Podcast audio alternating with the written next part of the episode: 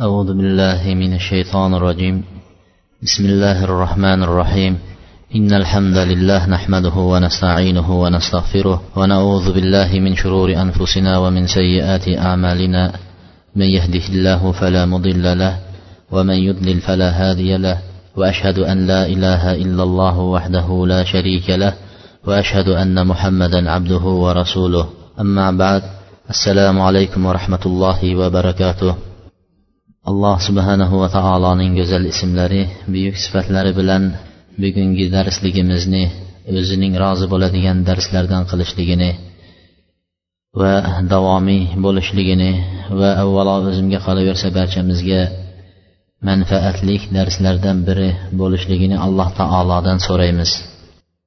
Namozning sunnatlarini aytishdan avval payg'ambar alayhissalotu vassalomning bir hadisiga to'xtalib o'tmoqchimiz.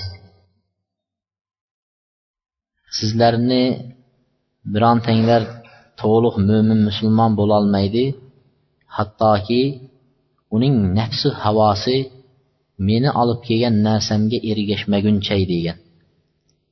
Havoi nafs odamni havoi nafsi payg'ambar alayhissalom olib kelgan narsaga ergashmagunichayin to'liq musulmon bo'lolmaydi deydi. Shuning uchun bizni ba'zi bir masalalarimizda uchraydigan ixtiloflar ixtilof fiqh masalasi bo'lganligi uchun aniq ochiq aytamiz fiqh masalasida muttafaq degan narsa juda kam ishlatiladi. Ulamolar hammasi ittifoq qilibdi shu masalaga shunday bo'lar ekan deyish juda kam ishlatiladi fiqh masalasida. Qaysi bir masalani olib kelsangiz birinchi bo'lib turib fiqh masalalarida ixtalafal ulama fihi ala aqval ulamolar bu masalada bir necha xil gapga dalillarga asosan ixtilof qilibdi deb keladi. Shuning uchun fiqh masalasi hech ittifoq bo'lmagan.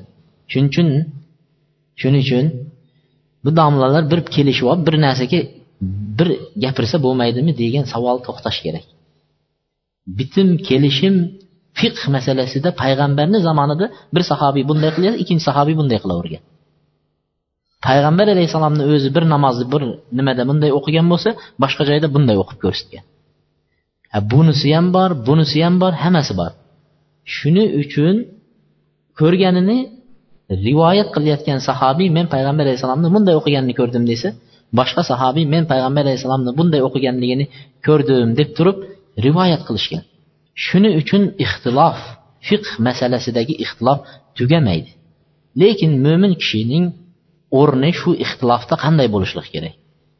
Mo'min kishining ixtilof bo'layotgan masaladagi o'rni modomiki bu odam sunnatga binoan amal qilayotgan bo'lsa alhamdulillah uni ham o'zi bir dalilga asoslanib qilyapti. Siz ham bir dalilga asoslanib qilayotgan bo'lsangiz shu dalilingizni ushlaysiz. Qiyomat kunida o'zingiz qilgan ibodatingiz uchun siz javob berasiz u qilgan ibodat uchun o'zi javob beradi. Birovni oyog'ini tortib nimaga u unday o'qiyapti xuddi qabrga uni o'rniga siz ko'miladigandek ya qiyomatda turg'izib nega faloncha shunday namoz o'qidi? Sen javob ber deb sizni so'raydiganday haligi bir odamni anaqa qilib yurishlik durust bo'lmaydi shariatda. Ixtilof bo'laveradi. Bo'lgan avvaldan bo'lgan nimaga to'rt mazhab? To'rt mazhab dushman bo'lmagan. Biz avval mazhablarni chiqib kelishi darsligida o'tganmiz. Bular bir biriga ustoz shogird bo'lgan. Agar abu hanifa bo'lmaganda imom shofiy nima qilmagan bo'lardi? Imom shofiy bo'lolmagan bo'lardi deydi. U kishini muhammadni qo'llarida imom ahmad ikki yil ta'lim olgan.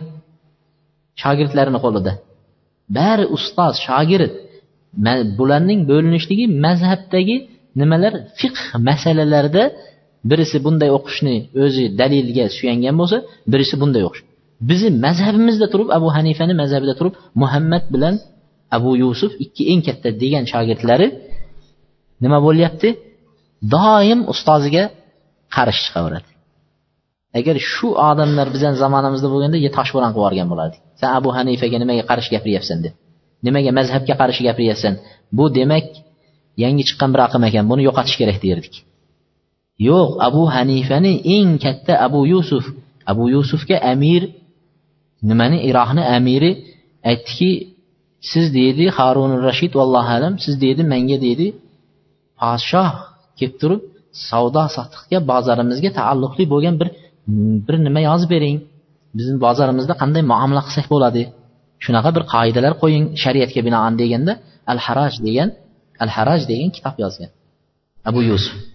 Podshoh shu kitobini nima qilganlar? Qo'llangan. O'sha nimasida o'zini zamonasida qanday savdo sotiq qiladi qanday muomala qiladi musulmonlar? Shunchalik katta olim kishi. Qachon masalaga keladigan bo'lsa abu hanifa bunday deydi lekin ikki shogirdi bunga qarshi aytdi deydi. Ikki shogirdi bunday deydi abu hanifa bunday deydi deb turadi. Hozir biz o'tadigan vitr vojib namozida ham abu hanifa vitr namozini vojib desa ikki shogird vojib emas degan sunnat degan. Lekin shu bilan birgalikda mazhabdan chiqib ketmagan. Shogirdlari sunnat deb tursa bu mazhabda emas ekan boshqa mazhabda ekan deb haydab yubormaganda shu mazhabda qolavergan. Shuning uchun fiqh masalalarida demak bir hadisni boya aytyapmizki nafs havoyimiz bilan bitta narsani yaxshi ushlab olsak yo bir o'rgangan narsamizni ushlab olsak bo'ldi. Meniki to'g'ri boshqaniki hammasi noto'g'ri degan tushuncha durust emas payg'ambar alayhissalomdan mana shunday dalil kelibdi desa shuni ololmasak biz shu dalilni durust deb qabullay olmasak demak to'liq musulmon bo'lolmaymiz. Shu dalil bor ekan shuni men qabullayman deyolmasak havoyi nafsimizga ergashib o'rganib qolgan urf odatimizga ergashib mahkam turib olaveradigan bo'lsak jilmasdan unda nima qilolmaymiz to'liq musulmon bo'lolmaymiz shuning uchun to'rt mazhabning hammasi peshvolari aytadi. Imom abu hanifa imom molik imom shofiy imom ahmad hammasi aytgan agar meni aytgan fatvolarim kitobdagi yoki gapda aytgan so'zlarimdagi gaplarim fatvolarim hadisga sahih bir hadisga qarshi chiqadigan bo'lsa mani gapimni devorga uringlar. Hadisda kelganini olinglar. Qiyomatda men mo'ynimga olmayman degan. Ular o'zlarini tozalab ketyapti. Ha biz bo'lsa yopishib man shu zaif bo'lsa ham shu sahih bo'lsa ham shu. Man shundan boshqasini olmayman deyishimiz to'g'ri kelmay qoladi. Lekin iloji boricha mazhabdan chiqmagan holatda ixtilof ko'tarmasdan birlikka shariat birlikka chaqiradi. Allohni arqoni bilan mahkam bir bo'lib ushtanglar bir bo'linglar tafriqa bo'lmanglar bo'linmanglar deb shariat shunga chaqiradi. Shuning uchun ixtilof bo'lgan narsada hech qachon nima bo'lmaydi? Durust bo'lmaydi. Ibodatlar qabul bo'lishi ham jamoatga mana kelib jamoat namozi bilan o'qishni ham sabablaridan biri musulmonlarni birlikka bir saf bo'lib bir joyda ulfat bo'lib namoz o'qishga jamlayapti alloh taolo ixtilof qilishlikni qaytargan shuning uchun arzimagan masalalarda ixtiloflashmaymiz. Lekin biz nima? Ilm ko'zi bilan ilm ko'zi bilan dinimizni ko'rib o'tishimiz kerak. Ko'r ko'rani e, bizlar u ota bobomizda bunaqani ko'rmagan edik qayerdan chiqib qoldi? Biz unday qilmagan edik. Kitob ko'rishni bilmagan bo'lsak boshqa qilmagan bo'lsak hozir kitoblarni ko'rib o'zim hayron qolyapman. Bizani mazhabda shuni aytibdimikin yo boshqa mazhabmikin deb qolasizda bizani mazhabda aytgan gaplarga hayron qolasiz. Shuning uchun ilm ko'zi bilan haqni qayerda bo'lsa qabul qiladigan bo'lishligimiz kerak. Birinchisi sunnatlari. Namozning sunnatlari raful yadayni inda tahrima. Allohu akbar deb takbir aytishlikni nima deydik bizlar namozning farzlariga kirgizganmiz endi qo'lni ko'tarishlik shu vaqtda allohu akbar degan vaqtda qo'lni ko'tarishligi nima sunnati bo'ladi dedi bunga dalil روى وائل أنه أبصر النبي صلى الله عليه وسلم حين قام إلى الصلاة رفع يديه حتى كانت بحيال منكبيه وحاذا بإبهاميه أذنيه ثم كبر dedi sunan abu davudda kelgan hadisda abu vail ibn hajarni hadislarini keltiryapti payg'ambar alayhissalomni namozga turganini ko'rdim dedi. Namozga turganda ikki qo'llarini hiyal mankibayhi mankib deb mana shu yelkaning to'g'rilarigacha ko'tardi dedi. Yelkani to'g'rilarigacha ko'tardi. Ibham deb ma'noni aytadi. Eng yo'g'on nimani barmoq ibham mana shu boshmaldoq barmoqni aytadi. Shuni dedi qulog'ining e, uzunayhi e, ba'zi rivoyatlarda shahmati uzunay qulog'ining yumshog'ining nimasiga hada deb e, to'g'risiga olib keldi deydi. Mana yelka mana bo'lsa kaft yelkani yelkani nimasiga keldi? Yelkaga to'g'ri keldi va quloqni nimasiga yumshog'iga nima qildi? Mana shunday keldi. Quloqni yumshog'iga to'g'ri keldi. Biron bir rivoyatni ah qilib bah qilib axtarib ko'rdik. Quloqni yumshog'iga tegizib turib allohu akbar deyishga harakat qildik topmadik. Endi quloqning yumshog'i deb kelgan quloq deb keltirgan rivoyatlarni hammasida mazhabdagi kitoblarni bizlar murojaat qilgan kitoblardan nima? Ixtiyor kitabul ixtiyor hidoya albiyana sharhil hidoya badruddin ayniniki va kitabul al fiqhul hanafiya al lubab va shunga o'xshagan hanafiy mazhabdagi kayfiyatu solatu nabiy sollallohu alayhi vasallam ala dawi madhabil hanafiya degan kitoblarga murojaat qildik. Lekin barisida keltirgan surati qo'lni ko'k nimaga yelkaning nimasida quloqning yumshog'ining ro'barosiga olib kelib turib allohu akbar deb ishora qildi degan. Demak quloq yumshog'i quloqning yumshog'iga kelib nima qilinadi? Takbir aytilinadi deganlar.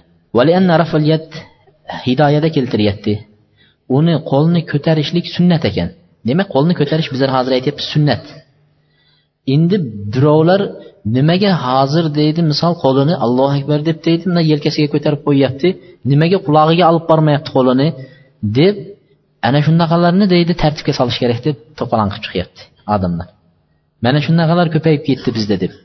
Aziz birodar sunnat ekan. Agar uni qilmay qo'ysangiz ham qo'lingizni ko'tarmay allohu akbar desangiz ham namoz batil bo'lmas ekan. Bu qo'lni ko'tarish sunnat deyapmiz. Farzni tashlasa namoz batil bo'ladi dedik. Vojibni tashlaydigan bo'lsa nima bo'ladi dedik? Vojibni tashlaydigan bo'lsa sajda sahu qiladi dedik.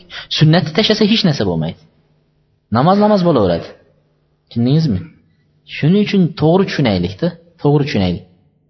Demak qo'lni nima qilinadi? Ko'tarishlikdan maqsad nimadir desa hidoyada aytyaptiki qo'lni ko'tarishdan maqsad haligi qulog'i eshitmaydigan karlar qulog'i eshitmay ko'zi ko'rmaydiganlar bo'lib qolsa qulog'i eshitmaydiganlar deb keltiribdi bu yerda qulog'i eshitmaydiganlar bo'lsa haligi imom allohu akbar deb boshlasa bu eshitmay turaverib jamoatdan haligi imom allohu akbar deganda namozga qo'shilishlik o'zini fazilati bor. Lekin alhamduni boshlagandan keyin kelib qo'shilishlikni undan martabasi pastroq yuradi. Bir rakatdan keyin qo'shilishlik undan ham pastroq yuradi. Shuning uchun o'tgan ulamolar solihlar aytishganki biron marta nima degan? Takbiratul ehrom misol uchun ba'zilar qirq yilgachayin takbiratul ehromni men yo'qotmadim degan. Ya'ni imom allohu akbar deganda bu ham allohu akbar deb birga qo'shilgan degan aytishgan shunchalik darajada qirq yilgacha degan. Ba'zilar aytishganki men onamni dafn qilishlik marosimida bo'lib qabrga borib dafn qilib kelganda shu asr namozini qazo qilib qo'ygan. Qazo bo'lganda jamoatdan kechikib qolgan.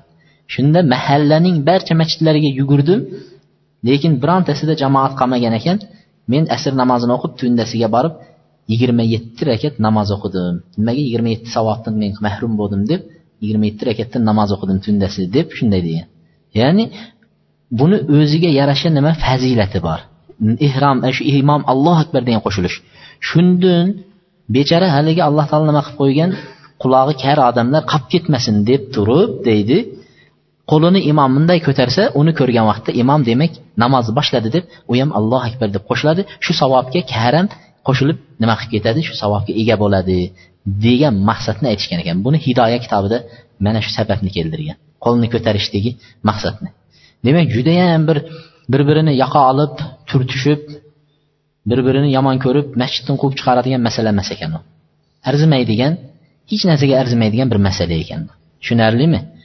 Buni nimasiga allohga shukur qilish kerak? Alhamdulillah quloqlarimiz butun imom qo'lini ko'tarmasa ham allohu akbar deganini eshityapmiz qo'shilaveramiz deb indamasdan uni tortishmaslik kerak.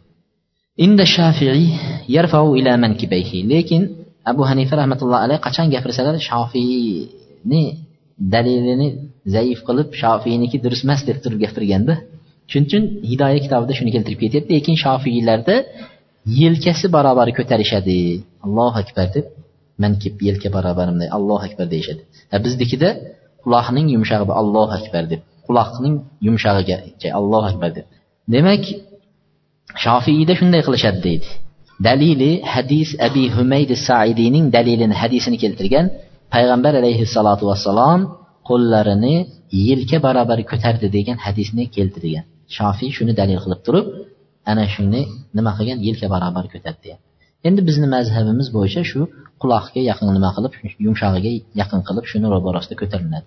Ayollar deydi qo'llarini yelka barobari ko'tariladi allohu akbar deb bunday ko'tarib baland ko'tarilmasa yaxshiroq. Chunki yelka barobar ko'tarsa qo'ltiqlari ochilishdan va avratlari ochilishligidan nima qilinadi satrroq bo'ladi o'ziga shuning uchun ayollar qo'lini allohu akbar deb ko'kragiga ko'tarib qo'ya qoladi deganlar فإن قال بدل التكبير الله أكبر o'rniga alloh ajal alloh azam ar rahman akbar la ilaha illalloh yoki shunga o'xshagan allohni ismlarini eshitsa bo'ladimi yo'qmi faqat allohu akbar deb boshlash kerakmi yoki bo'lmasa alloh ajal alloh azam deb boshlasa namozni bo'ladimi deydi.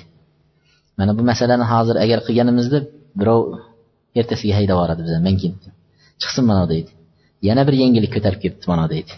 Lekin kitoblarda yozilyapti buni ana shu hidoya kitobida keltiryapti. Ajzaahu inda abi hanifa va muhammad. Abu hanifa va uni shogirdi muhammad durust debdi.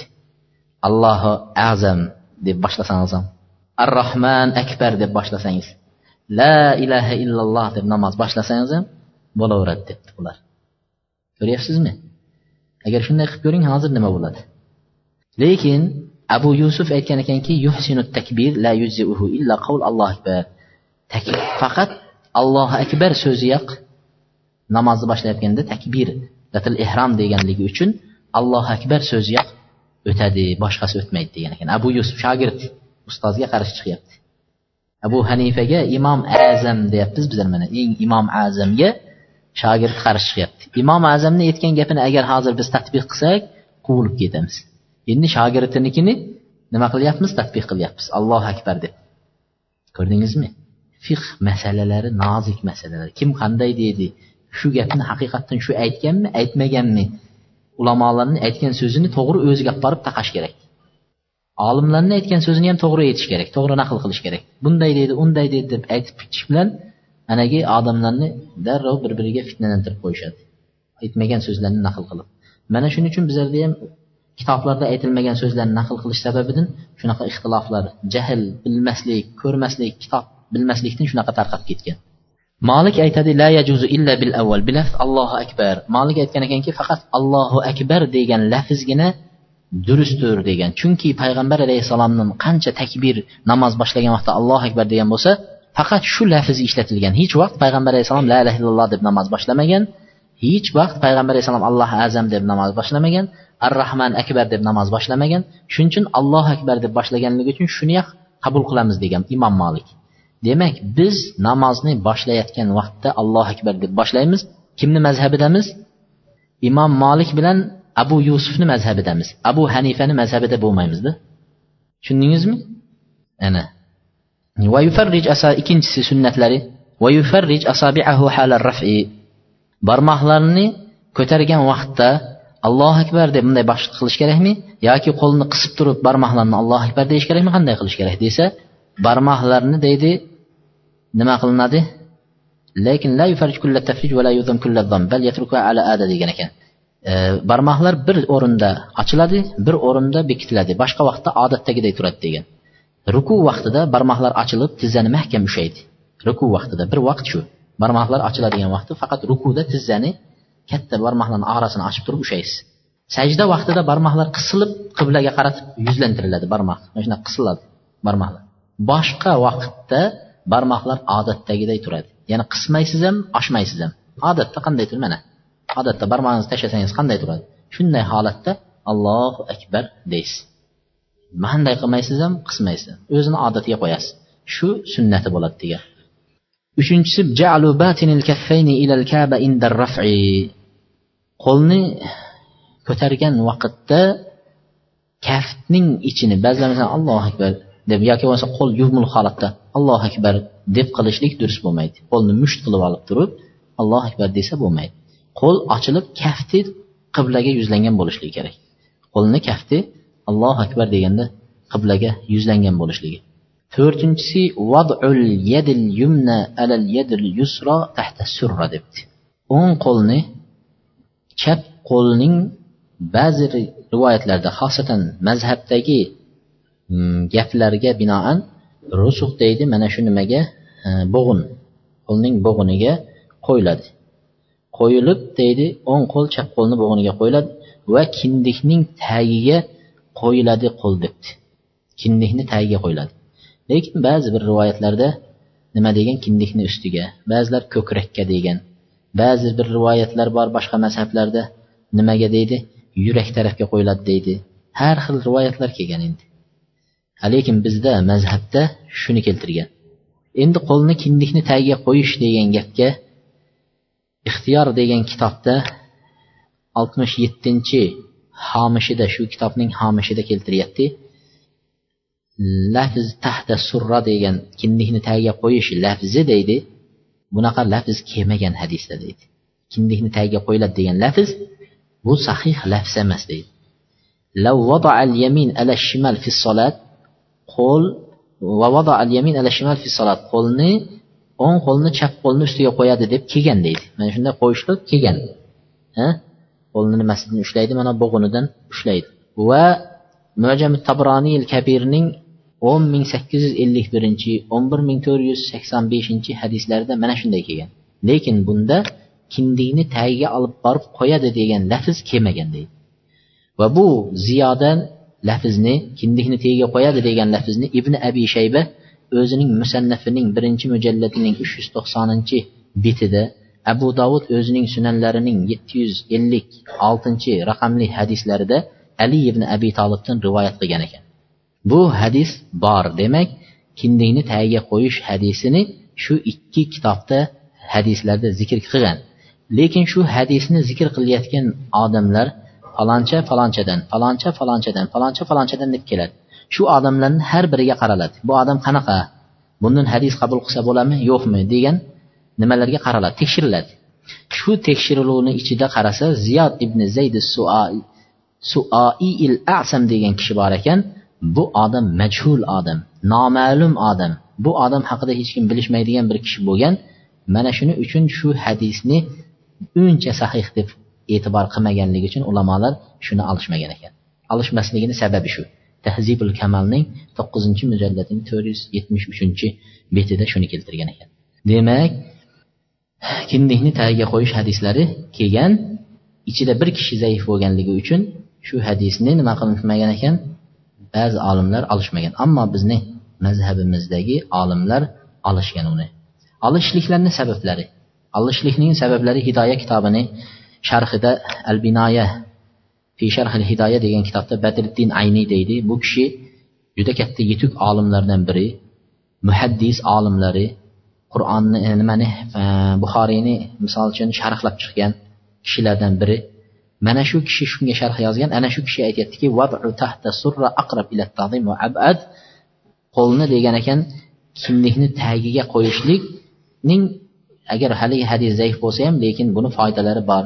Birinchidan allohga ta'zim qilishlikning eng yetuk turlarining biri shu degan ekan. Ta'zim qilib turadi xushu namozdagi xushuni ko'rsatadi. Ikkinchidan ahli kitoblarga o'xshab qolmaslik nimasi bor? Ahli kitoblar nima qilishadi? Qo'llarini mm, ko'kraklariga qo'yib haligi o'zlarini nimalarini o'qiydi? Vardlarini. Shunga o'xshab musulmonlar shunday bo'lib qolmasligi e'tibori bilan shunday deb keltirgan ekan.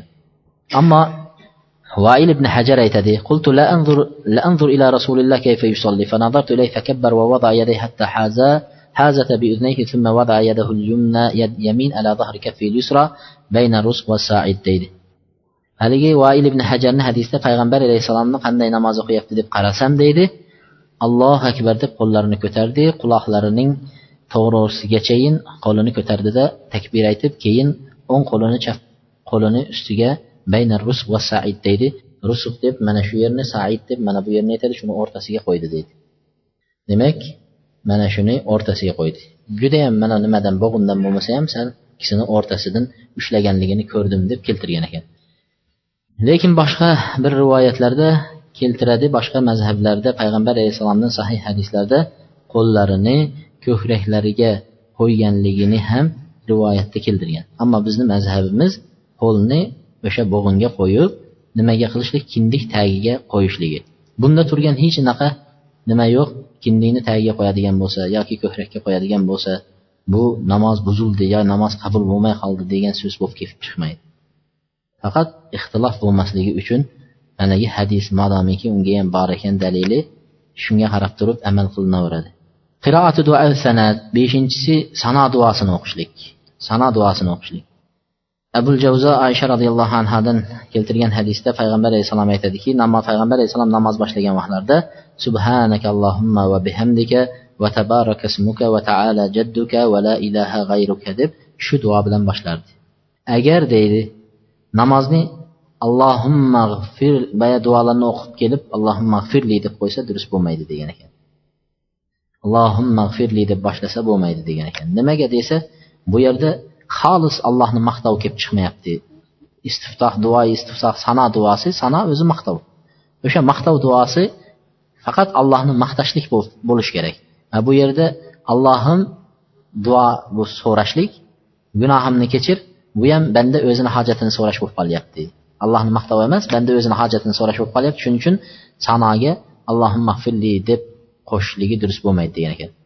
لو افتتح بقوله اللهم فقد قيل يجزئه لأن معناه يا الله subhanaka masalan mana biz subhanaka allohimma bihamdik deb boshlayapmiz to'g'rimi subhanaka deb boshlayapmiz alloh sani poklayman keyin allohimma deb boshlayapmiz shuni subhanani tashlab turib allohimma deb boshlab ketsa bo'ladimi yo'qmi deydi desa yo'q bo'lmaydi deyishgan ekan ba'zilar nimaga desa allohimma deyishlik asli ey alloh sandan yaxshiliklardan umidvormiz degan ma'noni anglatadi. Bu ham allohdan so'rov bo'lib qoladi. Xolis maqtov emas deyapti. Shuning uchun subhanak allohimma deb subhanani qo'shib turib boshlashlik subhanani qo'shib turib boshlashlik degan ekan. Oltinchisi sunnatlari at taavuz sirran at tasmiyatu sirran. Bismil auzu billahi minash shaytonir rojim bismillahir rohmanir rohim deb istiftoh duosidan keyin allohu akbar takbir aytildi qo'l bog'landi. Subhanakallohumma bihamdika tabaraka ismuk va taala jadduka la ilaha g'ayruk deyildi. Endi shundan keyin auzu billahi minash shaytonir rojim bismillahir rohmanir rohim deyiladi. Duo istiftohdan avval aytiladimi? Bismillah aytilmaymi desa aytilmaydi degan. Chunki u faqat nimadir? Faqat duo. U qur'on emas. Shuning uchun billah bismillah nimaga aytiladi? Qur'on boshlayotganda aytiladi. U duo bo'lganligi uchun unga hojati yo'q. Shuning uchun unga aytilmaydi. Undan keyin billah bismillah aytiladi. Ovoz chiqarib aytiladimi ishda aytiladimi desa ovoz chiqarmasdan ishda aytadi. Ibn masud keltirgan hadisda payg'ambar alayhissalom bismillah bilan billahni ichida maxfiy aytar edi degan ibn abi shaybaning hadislarida. Imom besh narsani imom maxfiy qiladi deb ibn masudni hadislarida keltirgan ekan. Besh narsani imom maxfiy qiladi. Birinchisi auzu billahi minash shaytonir rojimni maxfiy qiladi tasmiyani bismillahi rohmanir rohim maxfiy qiladi amin degan valaddolin degan aminni maxfiy qiladi robbana lakal hamdni maxfiy qiladi tashahhud attahiyotni o'qiganda maxfiy ichida o'qiydi besh narsa maxfiy o'qiydi degan beshta narsa imom maxfiy qiladi degan صليت خلف النبي وخلف أبي بكر وعمر وعثمان anas roziyallohu anhuni hadislarida aytyaptiki men payg'ambar alayhissalomni orqasida namoz o'qidim abu bakrni umarni usmonni orqasida namoz o'qidim. Bular namozni nima qilganda allohu akbarni eshitardi keyin alhamdulillah robbil alamin deb boshlab ketardi. Demak o'rtada duo istiftohni billah bismillahlarni ovoz chiqarmasdi. Dar allohu akbarda ovoz chiqarardi keyin alhamdulillah deb boshlab ketardi degan. Bismillahi rohmanir rohimni maxfiy qilardi degan. Hozir aytdik bismillah avzuni nima bilan keyin aytadi? Sanodan keyin alhamdu surasini boshlashdan avval aytadi. Bunga dalil alloh subhana taoloni qur'ondagi agar qur'on o'qiydigan bo'lsangiz auzu billahi minash shaytonir rojim allohdan shaytonning yomonligidan panoh tilayman deb shuni o'qing deganligi uchun qur'on boshlanayotgan vaqtda auzu billahi minash shaytonir rojim bilan boshlanadi. Sakkizinchisi attamin endi alhamduni o'qidi. Auzubillahni aytdi. Alhamduni o'qidi. Alhamduni o'qigandan keyin valaddolin degandan keyin amin deyishlik sunnat. Lekin aminni maxfiy aytadimi oshkora aytadimi degan yana ulamolarni ichida ixtilof bo'lgan. Ulamolarni ichida ixtilof bo'lgan. Limarova abu hurayra buni maxfiy aytilinadi. Bizani mazhabimizda amin maxfiy aytilinadi. Har bir mazhabning o'zini dalili bor har bir mazhabni o'zini dalili bor madomiki shu dalilga asoslanib amal tutar ekansiz ish tutar ekansiz allohni oldida bari pokmiz shuning uchun misol uchun bir odam arabistonga borib kelib mana arabistonda din dinni qaynagan joyi shu yerda aminni baralla aytyapti demak aminni ochiq aytishimiz kerak ekan deb nima qilsa ham nima chunki ular o'z dalili bor shu dalilga asoslanib aytishyapti. Bizdagi ulamolar va mazhab egalari olgan dalili ulamolarni olgan dalili abu hurayrani keltirgan hadisida aytyaptiki imam imom amin desa sizlar ham nima denglar degan amin deb aytinglar. Kimni amini farishtalarni aminiga to'g'ri keladigan bo'lsa gunohlari kechiriladi degan termiziyning sunani termiziyda kelgan hadisni aytdi. Ularning ham aytadigan dalili xuddi shu. Aminni jahr aytadiganlarni ham dalili shu. Aminni maxfiy aytiladi deyotgan mazhabni dalili ham shu. Bir dalilni ikki odam nima qilish ular endi dalilni nima uchun ular jahr aytyapti nima uchun bizda maxfiy aytyapti mazhabda? Ularning boshqa bir hadisni keltiradi. Payg'ambar alayhissalotu vassalomni orqasida namoz o'qidik. Shunda amin degan vaqtda masjid larzaga keldi degan bir hadisni olishadida ana aminni ovozini chiqarganligi shu yerda aytilyapti deyishadi. Bizni mazhabdagilar aytadi u aytayotgan hadisingizni deydi ba'zi rivoyat qilayotgan odamlar zaif deydi. Masjid larzaga keldi deyotgan joyidagi o'sha hadisni aytayotganlarni ba'zi rivoyat qilayotgan odamlar zaif deydida keyin bular aytadi bizdagilar alloh taoloning oyatiga to'g'ri kelmaydi agar bizlar baqirsak amin. Deydi amin deb baqirsak. Nimaga desa alloh subhana taolo qur'onda alloh taologa tadarru bilan xushu huzu bilan va maxfiy qilib duo qiling deyapti. Amin duo duoni maxfiy qilish kerak. Osmondan olib gapirmagan mazhaban e bu mazhab bo'lmaydi bu bar dalil zaif dalillarni olib keladi deb qo'yadi birovlar. Yo'q o'rganish kerak mazhab. Öyrənim, niməyə əsaslanıb bəyət etdim. Bizim məzhəbim Əbu Hanifəyəm asmandan alıb ayətə əsaslanıb bəyət etdim. Demək siz əşinə əmin əməl qılsanız, qiyamət gününə varanda ya Pərverdigar mənə Quranda şunday deyibsən, şunga əməl qıldın, əmin şunday etdin. Hə indi bu yerdə ayətdi. Əgər imam əmin desə, sizlər əmin deyirlər deyəpti. Onda qayerdən işləmiz imamın əmin deyəni deyən savol. Desə, imamın əmin deyənini birinchi safda imomni orqasida turgan odam albatta uni ichida o'qiyotgan narsasini albatta eshitib turadi. Chunki imom o'zi eshitadigan darajada o'qish kerak maxfiy o'qiganda. O'zingiz eshitadigan va uni o'zingiz eshitgandan keyin yoningizdagi ham eshitiladi shunda amin deganda imom shuni birinchi safda turgan odam eshita biladi va amin deb qo'shiladi degan. Shuning uchun u jahr qildi degan gap kelib chiqmaydi deydi. Keyin bizni mazhabdagilar dalil qilib keltiradiki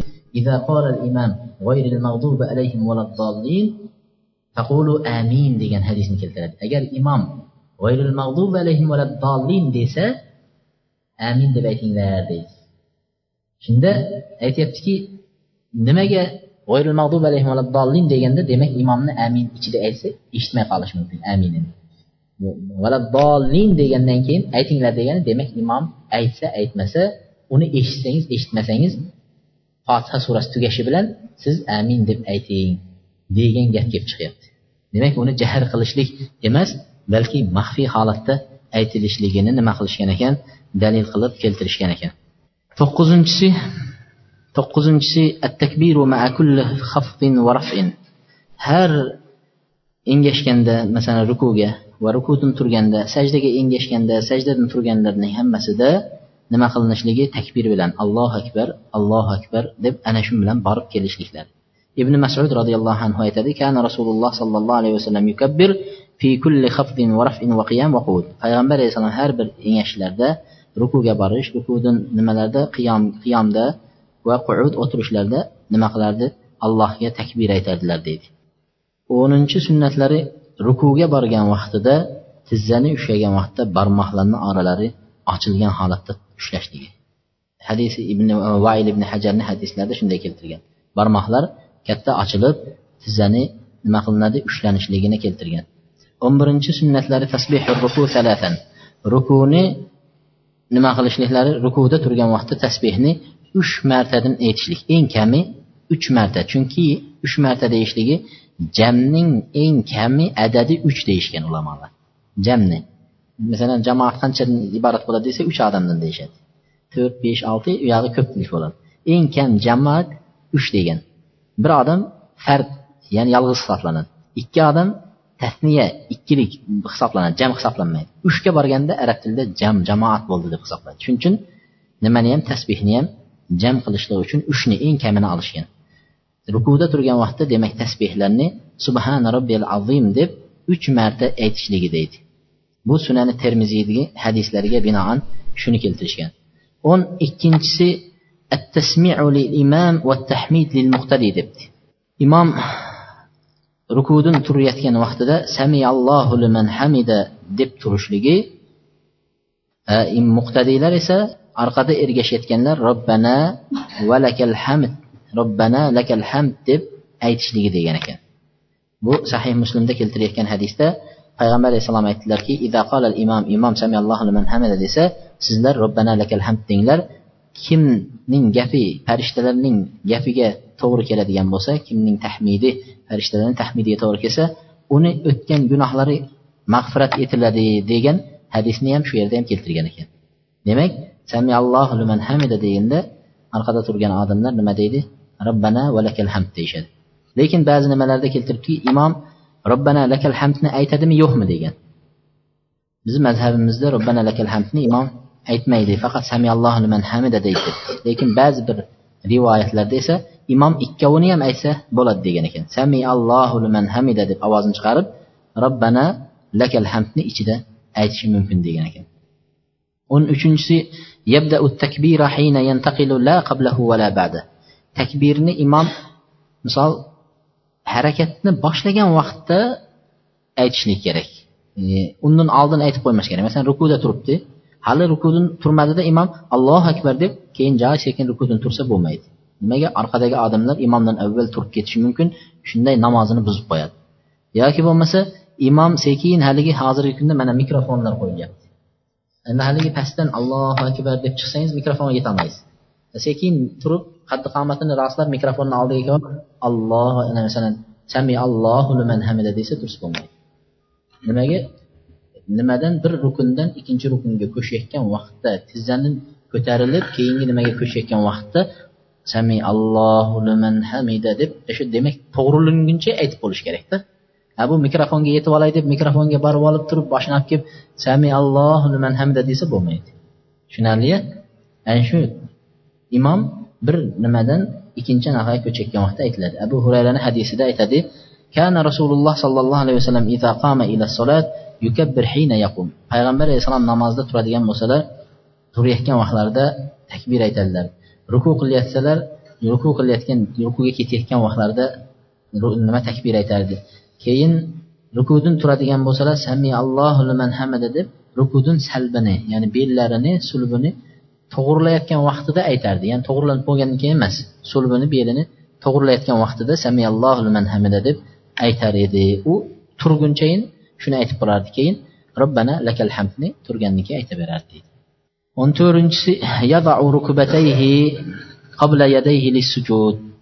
bu masalada ham ixtilof kelgan. Birinchi tizzani qo'yadimi yoki bo'lmasa birinchi sajdaga borayotgan vaqtda qo'lni qo'yadimi degan. Birinchi tizzani qo'yadimi sajdaga borayotganda yoki bo'lmasa birinchi qo'l bilan tushib olib keyin tizzasini qo'yadimi degan bu hadisi vail ibn hajarni hadisiga asoslanib aytadigan bo'lsak va bizni mazhabimizda bu hadis sunan abu davudda kelgan ekan رأيت النبي صلى الله عليه وسلم إذا سجد وضع ركبتيه قبل يديه payg'ambar alayhissalotu vassalomni nimasini ko'rdim sajdaga borgan vaqtlarida tizzalarini qo'yardi birinchi qo'lidan avval degan hadisni aytgan Demak tizzasini birinchi yerga qo'yib keyin qo'lini tushirish ammo birinchi qo'lni tushiradi deyayotgan odamlarning dalillari tuyaning cho'kishiga o'xshab o'zinglarni sajdaga tashlamanglar degan bir shu ma'noda hadis kelgan. Tuyani cho'kishiga o'xshab o'zinglarni tashlamanglar tuyalar e, nima qiladi? Mana cho'kayotganda o'zini tashlab shuni ulamolar ba'zilari aytishganki tuyani haliginisi e, nima bo'ladi? Tizza hisoblanadi oldingi unaqasi shuning uchun shunga o'xshab tashlamanglar deyapti demak qo'lni birinchi tashlash kerak ekan deb shu hadisni tushunishchasida ulamolarda ixtilof qilib qolgan. Hadisni tushunishda. Shuning uchun tizza bilan tushunishligi hadisga vallohu alam muvofiq ham bo'ladi va sunnatga muvofiq bo'ladi. Keyin qo'l qo'yiladi. O'n beshinchisi attajafi fi sujud. Sajdada turganda erkak kishilar qo'llarini qo'ltiqlarini e, qo'ltiqlaridan nima qilishligi orasini qo'ltiqlarini orasini ochib kengroq qo'yishligi bilaklarini qo'ltig'idan uzoqlashtirigi. Abu humaydi saidiyni hadisida payg'ambar alayhissalom sajdaga boradigan bo'lsalar qo'ltiqlaridan bilaklarini uzoq tutardi degan ya'ni orasini bunday ochib qo'ltiqlar ochilib turardi degan. Lekin ayollarga esa sajdada turgan vaqtlarida qo'ltiqlari bekilinib va qo'llarini oralarini kichikroq qilib keyin nima qilinishligi e, ham tizzalariga o'zlarini yaqinroq olishligi va yerga ko'proq yopishibroq turishligi bilaklari bilan masalan yerga yopishadi. Erkaklarda unday emas. Erkaklarda bilaklar yerdan ko'tariladi va qo'ltiq oralari ochilinadi va nima qilinadi? E, oyoqlaridan tizzalaridan o'zini sajdasidan sal uzoqroqqa sajda qilsa bo'laveradi. Vallohu alam ayollar bilan erkaklarni namozlardagi farqlar mana shu joylarda bo'ladi. Lekin e, ba'zilar ayollar bilan erkaklar namozda umuman farq yo'q deyishib qo'yadi. E, mana shu joylari asli sunnatga muvofiq farq mana shu joyda bo'ladi. As-sujudu alal kaffayni. Sajda qilayotgan vaqtda yana o'n yettinchi sunnatlari kaftga nima qilishlik? Kafti bilan sajda qilishligi. Mana shu kaftlar nimaga borishligi? Yerga kaftlar tegib turishligi. Qo'lni mushlab olgan holatda sajda qilsa bo'lmaydi. Qo'lni mushlab olib turib bunday qo'lni yopiq holatda sajda qilsa yoki qo'lini bunday yonini tegizib sajda qilsa bo'lmaydi. Shuning uchun sajdada qo'llar nima qilishligi e, to'g'ri bo'lib oralari qo'llarni barmoqlar qisqilgan holatda qiblaga yuzlangan holatda bo'lishligi kerak bo'ladi. Baro ibn azibning hadislarida keladi. Payg'ambar alayhissalom aytdiki sajda qiladigan bo'lsangiz degan ekanlar kaftingizni yerga qo'ying ikkita kaftingizni va mirfaq mana bu nima e, nima deymiz buni? Tirsakni yerdan ko'taring degan ekan. Tirsakni yerdan ko'taring ya'ni tirsagingizni yerga tegizib olmang degan. Yuqorida o'tgan hadisimizda ham payg'ambar alayhissalom aytganki yetti a'zoni yerga tegizib sajda qilishga buyurilganman deb birinchisi peshonani ko'rsatdilar va unga qo'shib burun peshona bilan burun sajdada yerga tegishligi va ikki kaft uch bo'ldi va ikki tizza besh bo'ldi. Keyin qadamning e, nimalari oyoqning nimalari barmoqlari panjalar oyoqning panjalari nima qilganda sajda qilgan vaqtda yerga tegib qiblaga qarab yuzlanib turishligi. Mana shu bilan yettita a'zo bilan sajda qilishlikka buyurilganman deganlar o'n sakkizinchisi vadul vajhi baynal kaffayni sajda qilgan vaqtda kaft qayerga qo'yilishi kerak? Deydi sajda qilayotgan vaqtda. Birovlar hozir misol sajda qilishadi mana shunday sajda qiladi. Bu yerda sajda qilsa qo'li mananday narigi nimada turadi? Yelkani yelkani barobarida qo'yishadi. Yelkani barobariga. Sajda qilgan vaqtda. Birovlar e, nima qilgan vaqtda mm, boshmaldoq katta barmoqni burunga tegizib turish kerak ekan burunda deb turib shunday qiladi. Nimaga shunday ekan desa aytadi birovlar namozda turib burning qanab ketsa shu burningni shunday qisib olar ekansan deydi. Endi unaqa nimalar kelmabdi kitoblarda. Rosa izladik shu narsalarni shu masalalarni. Bizlar ham ota bobodan eshitgan masalalarni izladik. Topolmadik. Lekin e, mazhabdagi kelgan so'z mana abu ishoq rahmatulloh alayhi aytyaptilar. Qultuli baro ibn azib baro ibn azib sahobiyga aytdim. Ayna kana nabiy sallallohu alayhi vasallam yadau vajhahu ida sajada. Payg'ambar alayhissalom sajda qilsalar yuzini qayerga qo'yardilar degan savolni berdim. Bayna kaffayhi. Ikki kaftining oralariga qo'yardi degan. Ya'ni yuz buyoqda qolib qo'l kaft boshni tepasida tursa ham bo'lmaydi. Kaft masalan ko'kragingizda qolib yuzingiz o nariyoqda ba'zilar shunday sajda qiladi. Shunday yelkasini ro'barosiga bunday qo'yadida qo'lini boshi o nariyoqda turadi. Yo'q payg'ambar alayhissalom ikki kaftining orasiga sajda qilardi deydi. Endi voil ibn hajarning hadislarida aytyaptiki roaytu rasululloh hina sajada va yadayhi qaribatayn min uznayhi sunan al bayhaqiyda kelgan hadisda aytadi payg'ambar alayhissalomni sajda qilganligini ko'rdim va uning yuzlari ikki qo'llarining orasida edi va qo'llari esa qulog'iga yaqinroq joyda edi. Demak quloqqa yaqinroq joyga qo'llar mana shunday quloqqa yaqin joyda turar ekan yuz o'shani orasini tushadi demak ikki kaf quloqqa yaqin joyda turadi va yuz shunga nima qiladi? Shuni orasiga tushishligi kerak ekan. Demak mana shu ham mazhabdagi ham sunnatdagi kelgan dalillarga asoslanib yuzni qo'yiladigan kaftni qo'yiladigan o'rinlari o'n to'qqizinchisi tasbih sujudi va kavnuhu salasan sajdada turgan vaqtida tasbeh aytib subhana robbiyal ala deb uch marta aytishligi. Tasbeh va uni uch marta aytishligi sunnat. Yigirmanchisi addua bayna sajdatayni fil nafl. Bu yerda nafl deb xoslabdi bizni mazhabda nafl debdi. Lekin boshqa mazhablarda nafl bo'lsin farz bo'lsin uni ajratmagan. Bizni mazhabimizda faqat nafl deb keltirgan. Sajda qildingiz. Keyin sajdadan turdingiz. Allohu akbar. Endi ikkinchi marta sajdaga bormoqsiz. O'rtalikda ikki sajdani o'rtasida o'qiladigan duo. Mana shu duoni nima? O'qilinishligi. Bu said ibn jubayr e, ibn abbosdan rivoyat qilgan hadislarda aytadiki ikki duoni o'rtasida payg'ambar alayhissalom mana bu e, ikki sajdani o'rtasida payg'ambar alayhissalom mana bu duoni o'qirdi allohimma g'firli varhamni vajburni vahdini varzuqni deb mana shu duoni o'qirdi deydi ikki sajdani o'rtasida. Buni barcha mazhablarda va jumhur ulamolar har qanday namoz bo'lsin sajdalik namozlarni birinchi sajdadan keyin ikkinchi sajdani o'rtasida mana shu duo o'qiladi deyishgan. Juda bilmagan odam allohim mag'firni allohim mag'firni deb qo'yadi bo'lmasa mana shuni to'liq bilib yodlab olsa yaxshi. Allohim mag'firni varhamni vajburni vahdini varzuqni deb mana shu duo o'qiladi degan. Lekin bizlarni mazhabimizda faqat nafl namoz o'qiyotganda qo'shadi degan. Mana shu yeri bir ajoyib. Nima uchun naflga bo'lak farzga qo'shishga bo'lmaydi misol shuni? Mana bu narsa e, nima qilinmagan? Vallohu alam nafl bo'lsin farz bo'lsin qo'shilaveradi tushunarlimi?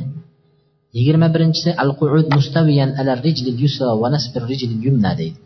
O'tirgan vaqtida e, endi nimada o'tiribsiz? Sajda qildingiz keyin o'tirdingiz. O'tirgan vaqtida deydi e, chap o'ng oyoqni o'ng oyoqni qiblaga qarab bunday panjalarini qiblaga qarab tikka qilib qo'yasiz va chap oyoqni ustiga o'tirasiz. Chap oyoqni nima qilib turib chap oyoq ustiga o'tirasiz o'ng oyog'ingiz qiblaga qarab bunday yuzlanib turishligi barmoqlari. Mana shu sunnatga binoan kelgan rivoyatlar buni ibn umardan kelgan hadisda من سنة الصلاة أن تنصب القدم اليمنى واستقباله بأصابعه القبلة والجلوس على اليسرى سنن النسائيda namozning sunnatlaridan qadamning o'ng qadamning nima qilishligi tikka bo'lishligi va barmoqlari qiblaga qarab yuzlanishligi va chap oyoqga o'tirishligi sunnat degan ekan sunnatda kelgan endi boshqa bir mazhablarda boshqa bir rivoyatlarda ham kelgan Boshqa bir rivoyatlarda kelgan nima qilishgan? Odam orqa tarafini yerga berib orqa chap tarafini yerga berib chap oyoqni esa o'ng oyoqni orasidan nima qilishligi? Chiqarishligi. Chiqarib o'ng oyoqni qiblaga nima tikka qilib o'tirishligi ham ba'zi bir mazhablarda kelgan. Xuddi ayollarni namozda o'tirish sifatiga o'xshab. Tushunarlimi? Shu ham kelgan. Lekin bir odamni shunday o'tirganini ko'rsak hayron bo'lib qolmasligimiz kerak. Ba'zi nimalarga juda qattiq turib olib durust emas ekan bu durust emas ekan deyishga ham bo'lmaydi. Bir holatlar bo'ladi kasallik holati yo bir narsa holatlar bo'lib qoladi yo bir odam o'zini shunday o'tirishga shu o'tirishgina unga durust keladigan holat bo'lib qoladi. Shunda mana shu ham sunnatda bor edi shuni ham endi bir qilib qo'yay deb qilsangiz ham ajrga ham nimaga ega bo'lasiz ham o'zingizga qulay holatda namoz o'qiysiz. Ho'p ikkinchi birinchisini hammamiz o'zimiz o'tirganda ikkinchi holat hozirgi aytgan kim ko'rsatib bera biladi issiqda uyqu tortyaptiya uyqu tortyapti man aytib yotibman kimdir tushundi kimdir tushunmadi namozda aytyapti deb ketyapti birov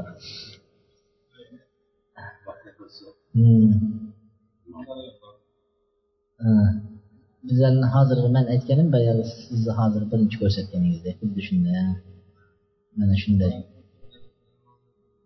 E, to'rt rakatlik namozlardagina shunday o'qidiriladi. Oxirgisida degan. E, o'rtada o'tirganda unday o'tirilmaydi. Demak to'rt rakatlik namozlardagina hozir ko'rsatganimizdek o'tirishliqlar ham nima qilingan ekan? Kelgan ekan. Bu yerda yana bir narsani qoldirib ketgan ekanmiz. Lekin kitobda zikr qilishgan ikki sajdaning orasida degan bizni mazhabimizda aytyapti. Ikki sajdani orasida allohu akbar e, nima qilib? Ikki rakat to'rt rakatlik namozlarda ikki rakatini o'qigandan keyin misol uchun nima qilinadi? Turadigan vaqtlarda. Turadigan vaqtlarda degan ekan istiroha nima bir o'tirib olib nima sajdadan turgan keyin bir o'tirib olib keyin sekin o'rnidan keyingi rakatga turishlik. Mana shuni durust emas degan ekan. Durust emas. To'g'ridan to'g'ri sajdadan oyog'ini yerga qadab turib sajdadan to'g'ri oyoqqa tiralib turib o'rnidan turib ketish kerak degan ekan. Bizni mazhabimizda shunday keltirgan ekan. Sajda nima? Qada istiroha durust emas. O'tirib bir nafas olib allohu akbar deb bir o'tirib olib keyin turishlik durust emas degan ekan. Ammo boshqa ba'zi mazhablarda payg'ambar alayhissalotu vassalomni qada istiroha qilganini ko'rdim. Ya'ni bunday sajdadan nima qilganda allohu akbar deb bir o'tirib olib keyin turib ketganini ko'rdim degan degan rivoyatlar kelgan. Bu istirohat degani bir dam olib olib keyin turish shuni bizni mazhabimizdagi ulamolar aytishgan ekanki bu payg'ambar alayhissalomni qarigan vaqtida qilgani. Charchab qolgandan keyin bir o'tirib turib o'zini nafasini rostlab olib keyin o'rnidan turgan. Ammo bu nimaga xos emas ha namozga xos emas deyishgan ekan. Vallohu alam unga unday deyishlikka ham dalil yo'q. Modomiki payg'ambar alayhissalom qilgan ekan ibodatni va sahobalar uni rivoyat qilgan ekan ular durust bo'laveradi. Kim o'zining holatiga qarab ba'zi odamlar yoshlar masalan nafas qisishi yoshlar masalan sajdaga borib nima qon bosimining oshishligi boshini qisishligi mana shunga o'xshagan narsalar bor nafasini bir rostlab olib tursa hech ziyoni yo'q yo'q mazhabda shu to'g'ri sajdadan tepaga turish kerak ekan qadamga tiralib shunday turish kerak deb unga bayroq ko'tarishni ham hojati yo'q وضع اليدين على الفخذين في الجلوس الأول والأخير والإشارة بالمصبحة yigirma ikkinchisi endi sajdada o'tirgan vaqtida qadada e, sajdadan turib qadada o'tirgan vaqtida attahiyot o'qiladi. Ana shu vaqtda qo'l qo'lni har o'ng qo'l o'ng qo'l o'ng tizzani ustiga chap qo'l chap tizzani ustiga qo'yilinadi debdi qo'yilib ishora barmoq bilan nima qilinadi? Ishora barmoq bilan sabbobai ishora deymiz. Sabbobai ishora qilinadi debdi. Qaysi mazhabda? Sababa ishora qaysi mazhabda? Hmm, Shofiy mazhabida. Yana qaysi mazhabda? Imom ahmad mazhabida. Yana qaysi mazhabda? Eh, bizlarda eh, bizlar hozir imom azamni abu hanifani mazhabida bo'lgani uchun shuni rivoyat qilyapmiz lekin bizlarni bir davrlarda sabboba harom deb chiqqan olimlar ba'zilar. Sabboba harom namozni buzadi makruh deyishgan lekin mana shu gapni topmadim man. Mana hozir biza rivoyat nima keltiradigan nimalarda ishora sabboba qiladi debdi. Mana shu fiqhul hanafiya va adillatu hanafiy mazhabi va uning dalillari degan kitobda keltiryapti. Demak qo'li tizzaga qo'yiladi va ishora qiladi debdi. Bunga omir ibn abdullah ibn zubayr o'zini dadalaridan rivoyat qilgan hadisda aytadi payg'ambar alayhissalotu vassalom o'tirsalar yadu o'ng qo'lini o'ng tizzasini ustiga chap qo'lini chap tizzasini ustiga qo'yardilar. Keyin ishora qilar nima bilan? Ehm, barmoqlari bilan ya'ni ko'rsatqich barmoqlari bilan sabbobai ishora qilardilar.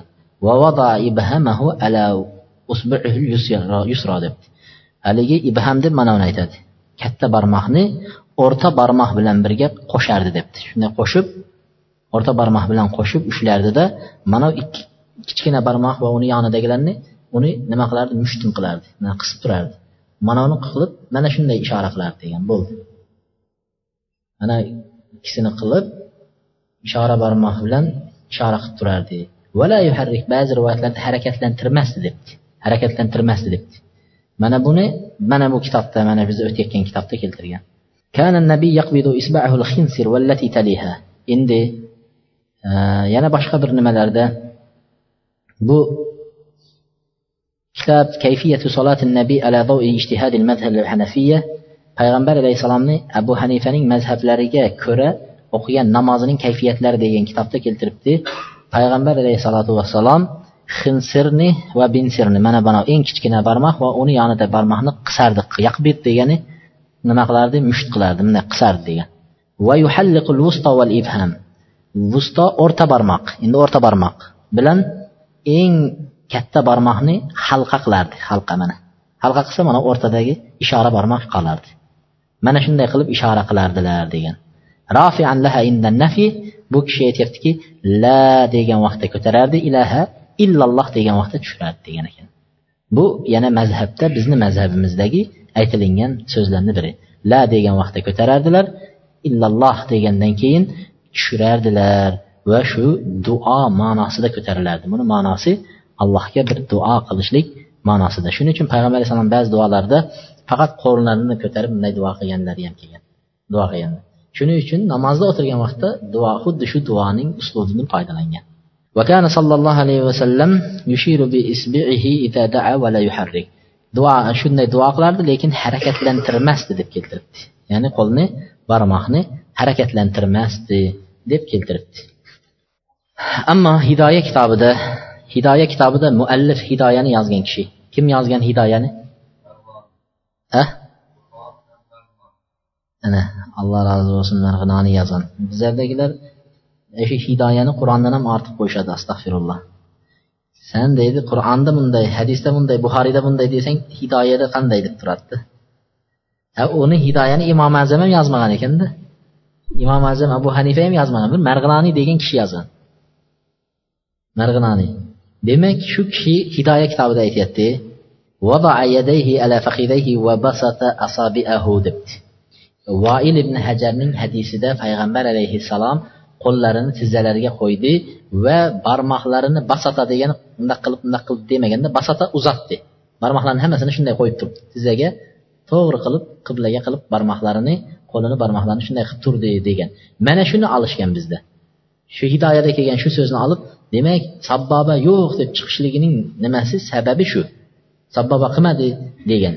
Endi shu hidoyani sharhlagan badriddin ayniy degan mazhabimizdagi eng olim mazhab peshvosining biri eng hadis nimalarni buxoriyni sharhlagan kitabul ayniy degan sharhlari bor buxoriyni. Mana shu kishi al binaya fi sharhil hidoya degan kitobida hidoyaning sharhi binoya degan o'n uch tomlik hidoyani o'n uch tomlik kitobda sharhlagan. Mana shu kishi aytyapti hidoyani muallifi shu yerda adashdi deyapti birovni adashganini adashdi deb ayta bilish kerak qo'rqmas kerak hozir shu yerda bizlar adashgan desak yo'q deydi mana deydi bular hozir kelib deydi bizlarni nimalarimizni ham adashgan deb aytyapti deydi yo'q bu o'zi aytyapti hidoyani muallifi shu yerda adashdi bu kishi deyapti أما وضع اليدين على الفخذين في صحيح مسلم من رواية ابن عمر إلا أن فيه كان قبض أصابعه muslimda kelgan hadisda deydi payg'ambar alayhissalom qo'llarini qo'yib qo'llarini bayanda qisib ishora qildi degan hadis kelgan va hadisi vailning hadislarida qo'lini bunday qo'ydi degan gap kelmagan deyapti qo'lini uzun qilib nima qildi qiblaga yuzlantirdi degan hadis kelmagan bu kishi shu yerda adashdi balki hadis vail ibn hajarning hadislarida payg'ambar alayhissalom halqa qilib ishora sababa qildi degan hadis kelgan deyapti قال الفقيه أبو جعفر هكذا روي عن أبي حنيفة أصلida faqih abu jafar aytyaptiki aslida abu hanifadan shunday rivoyat bo'lgan rivoyat sabbaba ishora sabbaba bo'ldi deb kelgan. Ammo hidoyaning egasi hidoyaning muallifi musannifi shu bir hadisni noto'g'ri rivoyat qilgandan keyin yerni ostidan ustidan chiqardi. Tushundingizmi? Mana shuni nimada keltiryapti? Binoya kitobida. Hidoyani sharhida shuni kelyapti. Hidoyani sharhida. Mazhabimizdagi kitoblarning birida. Yigirma uchinchisi assolat ala nabiy ba'da tashahhud. Tashahhud o'qilgandan keyin tahiyoti o'qilgandan keyin assolat e, salovat payg'ambar alayhissalomga va salovat ibrohimiyalarni o'qishlik mana shu ham sunnati degan.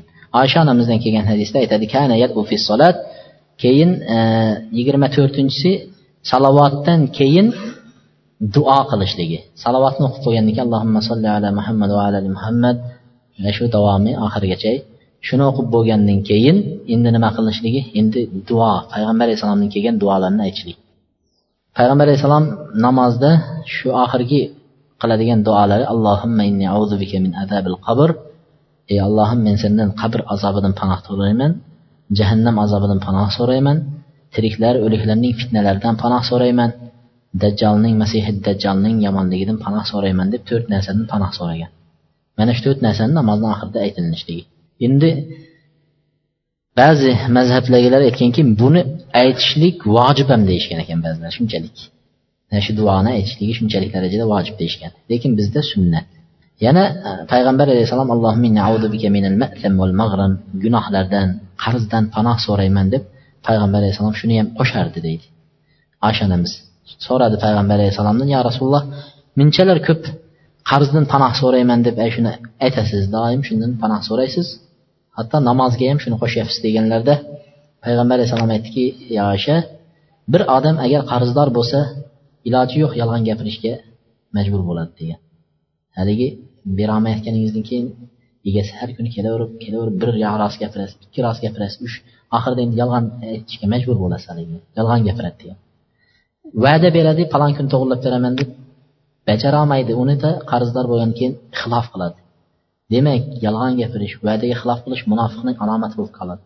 Mana shunga borishlikning sababi qarz bo'lganligi uchun men shuni eng boshidayoq munofiqlikdan emas qarzdan panoh so'rab qo'ya qolyapman. Deb payg'ambar alayhissalom shuni aytgan bu sahih muslimda kelgan ekan. Demak namozni ichida alloh subhanahu va taolodan nimani so'radi payg'ambar alayhissalom bir qarzdan gunohdan yomonliklardan yaxshi tirik o'likning fitnalaridan panoh tiladi shunga o'xshagan duolarni namozda ichida va tashqarilarida qilinsa yaxshi. Abi bakr annahu qala rasululloh allimni duan adu bihi fi solati. Yana boshqa duolardan abu bakr payg'ambar alayhissalomga aytgan ekanlar bir duo o'rgating namozimda aytay deganlarida payg'ambar alayhissalom aytdilarki اللهم إني ظلمت نفسي ظلما كثيرا ولا يغفر الذنوب إلا أن تغفر لي مغفرة من عندك وارحمني إنك أنت الغفور الرحيم ey allohim men o'zimga ko'p nafsimga zulmlar qildim gunohlarni sandan boshqa hech kim kechirmaydi mening gunohlarimni kechirgin o'zingning huzuringdan mag'firating bilan ey allohim va menga rahm qilgin sendan boshqa rahm qiluvchi yo'q sen rahmdil gunohlarni kechiruvchi zotsan degan duoni payg'ambar alayhisalom o'rgatdilar abu bakr roziyallohu anhu bu duoni namozlarida salovatdan keyin qo'shgan deb keltirgan ekan allohu alam mana shu duolarni ham bilmaydiganlar o'rganib namozlarga qo'shish kerak لا يتعوض في الركعة الثانية بل يبدأ القراءة بسم الله endi bu yerda tanbehlar odamlar so'raydi misol har namozda auzu billahi minash shaytonir rojim bismillah har rakatda har rakatda mana bir rakat o'qidi ikkinchi rakatda turganda ham alhamdulillah o'qishdan oldin auzu billahi minash shaytonir rojim bismillahi rohmanir rohim deb boshlash kerakmi deydi Yo'q bismillahni o'zi bilan boshlansa kifoya qiladi. Bismillahi rohmanir rohim deb turib keyin nimani boshlab ketaveradi?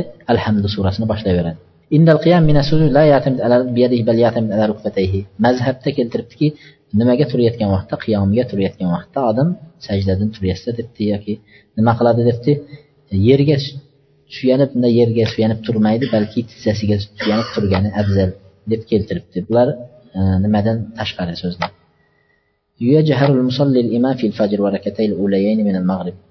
Jahr qiladigan namozlarda imom imomatchilikka o'tadigan bo'lsa imom bilan o'qiyotgan bo'lsa imom jahr qiladigan namozlarni jahr qilib o'qiydi masalan bomdodni ikki rakat farzi va e, shomni ikki rakat nimasi farzi ikki rakatini jahr qiladi xuftonni ikki rakat farzini jahr qiladi mana shunga o'xshagan namozlarni juma namozlarini farzini shularni jahr qilib o'qiydi imom debdi ammo bir o'zi o'qiyotgan bo'lsachi jahr qilib o'qish kerakmi yoki maxfiy o'qisa bo'ladimi yo'qmi deb. Bir o'zi o'qiyotgan bo'lsa u o'zining ixtiyorida agar jahl qilib o'qisa ham va o'zini eshitadigan darajada sal ovozini chiqarib pichillab aytsa bo'laveradi e, debdi. Chunki u o'zining o'ziga o'zi imomatchilikka o'tgan hisoblanadi bir o'zi yolg'iz o'qiyotganligi uchun debdi. Agar xohlasa maxfiy qilib jahr qilmasdan o'qisa ham bo'laveradi maxfiy qilib ovozini chiqarmasdan deb lekin debdi afzali jahr qilib o'qiganligi. Chunki har namoz o'zining qoidasi bilan kelgan jahr qilinadigani jahr maxfiy qilinadigan maxfiy qilib keltirilgan. Shuni o'rniga binoan u yolg'iz o'qisa ham nima qilyapti? Shunga binoan farz qilinganidaqa ado etayotgan bo'ladi. Shuning uchun bir o'zi bo'lsa ham jahl qilib o'qigani afzal debdi. Endi nafl namozlari bo'ladigan bo'lsa inson o'zini ixtiyorida qiladi. Nafl namozlari. Uyingizda masalan tunda turib tahajjud o'qimoqchi bo'lsangiz uni iloji bo'lsa misol jahr qilib o'qisangiz yana ham yaxshi bo'ladi. Nimaga degan vaqtda jahr qilgan sayi odam o'qiyotgan oyatlarini tadabbur qilib va uyqu mudroq undan qochib e, ana shunga o'xshagan narsalar jahr qilganda ko'proq bo'ladi. Xushu huzu ko'proq keladi odamga. E, maxfiy qilib o'qiyotgan vaqtda hayol qochishligi keyin haligi uyqu bosishligi xosatan tunda namoz o'qisangiz ana shunday narsalar shuning uchun nafl namozlarni ixtiyoringizda xohlang jahr qiling xohlang maxfiy qiling. Vallohu alam.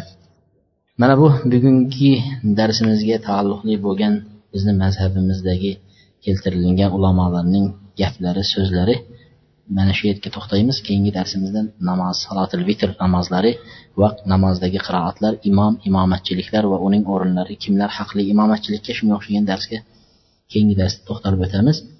Endi inshaalloh mana shanba kuni shanba kuni islom odoblari darsimizni ham boshlaymiz. Alloh taolo nasib qilsa subhanakallohumma bihamdik. Astag'firulloh va atubu ilayk.